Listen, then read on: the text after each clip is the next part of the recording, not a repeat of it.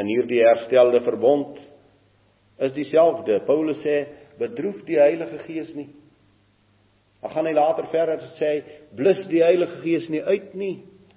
In Hebreërs sê sê vir ons, dit is onmoontlik om die wat eenmaal verlig geword het en die Heilige Gees deelagtig geword het en die goeie woord van God gesmaak het en die toekomstige dinge en afvallig geword het om hulle weer tot bekering te vernuwe omdat hulle ten opsigte van hulle self Yeshua die Messia weer openlik kruisig en tot skande maak.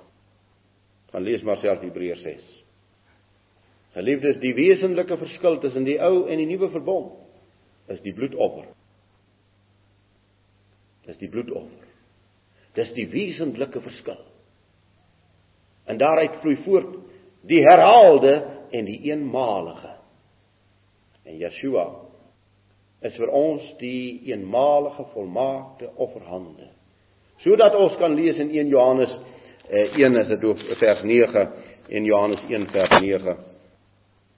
As ons ons sondes bely, hy is getrou en regverdig om ons die sondes te vergewe en ons van alle ongeregtigheid te reinig.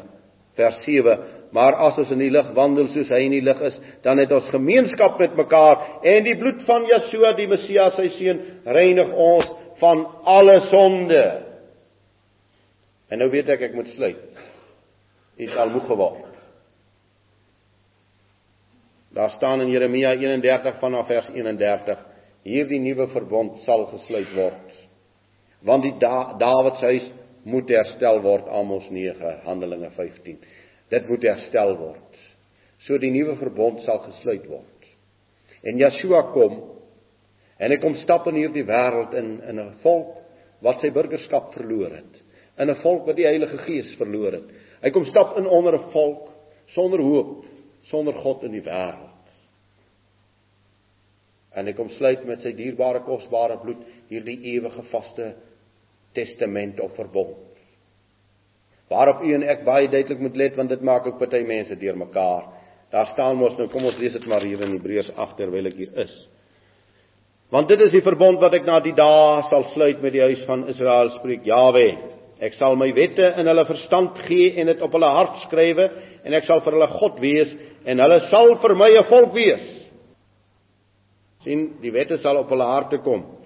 En hulle sal nie meer elkeen sy naaste en elkeen sy broer leer en sê ek ken Jawe nie, want almal sal my ken klein en groot onder hulle. Nou stap hierdie verdwaalde Israeliete in hierdie land rond, dan sê hulle: "Nee, maar kyk nou daarso. Ons sal nie hoef meer mekaar te leer nie." Nou hoekom leer ons dan mekaar? Dan is die verbond nog nie gesluit nie. Dan val hulle terug na die Ou Testament toe. Want die verbond is nog nie gesluit nie, want ons leer dan nog mekaar. Ag geliefdes, die verbond is gesluit.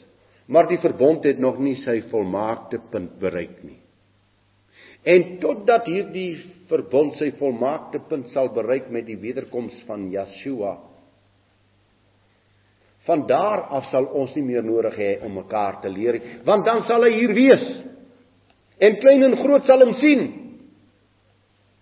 So ek hoef nie meer vir iemand te gaan sê dit is Yeshua nie, want hy self sal weet dat dit Yeshua is. En in die herstel in die volmaakte herstel wat in hierdie verbond geleë is, sal ons mos die wette in ons hart hê. Sal ook nie eens hoef meer die wette lees, hy sal hier lê.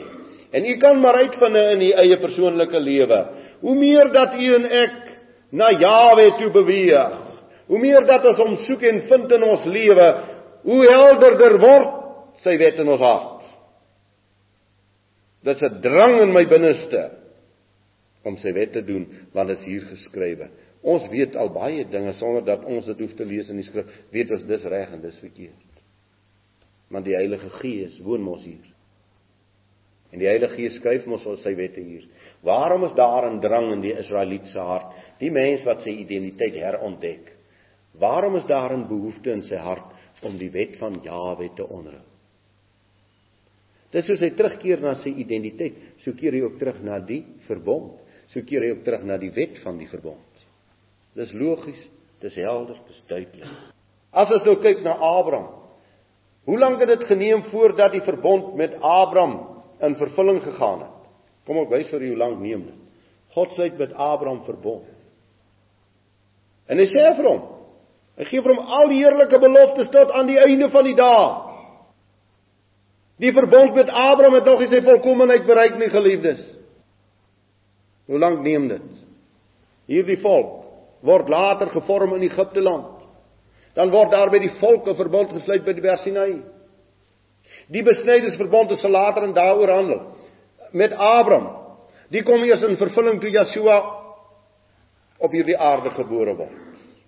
Na baie eeue wat God met Abraham gepraat het, word een saak vir hom vervul. Nou daar's nog baie wat vervul moet word. Ons gaan dan nog 'n vredesryk beleef op aarde en dan eers gaan die huwelik wat my betref plaasvind en dan eers gaan die volmaaktheid kom waarop Abraham gehoop het, die stad wat fondamente het. Want Abraham het tog nie halfpad gekyk nie. Abraham het gekyk tot op die einde. Hy het gekyk tot in die nuwe stad Jerusalem. Daarom sê die skrif dat hy in tente gewoon as simboliese beeld van die onvolmaaktheid en die onvolkomenheid van sy tyd. En het hy gehoop op die stad wat fondamente het. So die belofte aan Abraham gaan na baie eeue eers in vervulling gaan wanneer die stad op die nuwe aarde neerdaal. En daar geen tempel meer gaan wees nie, want Jawe self sal die tempel wees. Verbo in my begrip vandag. Geliefdes, ek vertrou dat ons hierdie boodskappe moontlik nie so maklik gaan vind nie, maar dat ons gaan verstaan dat hierdie boek is een boek het een lyn, het een doel, die heerlikheid van Jahwe en die verheerliking van sy volk. En wat 'n genade wonder dat ek en jy vanmôre kan deel wees van hierdie verbond gesluit met Abraham, gesluit met Israel by die Bersinai, gesluit met die disippels in Jerusalem, nog net dieselfde lyn, nog net dieselfde verbond. Ons sal verder uitwys wat nog oor is en wat vernuwe is. Ons hemelse Vader, baie baie dankie. U leer vir ons en u onderrig vir ons en ons wil weet. En ons wil verstaan sodat ons deur niks en deur niemand deur mekaar gemaak gaan word op hierdie aarde nie. Dat ons u stem baie duidelik in ons ore hoor. En Jawe en al ons kleinheid en nietigheid. Ons wil u verbond hou Ons wil getrou bly. Ons wil volhard. Ons wil U naam bely. Ons wil U eer en dien en lief hê met ons hele hart. Ons staan in ons kleinheid voor U heilige aangesig. Laat U volk U magswoord hoor en laat U volk tot U terugkeer.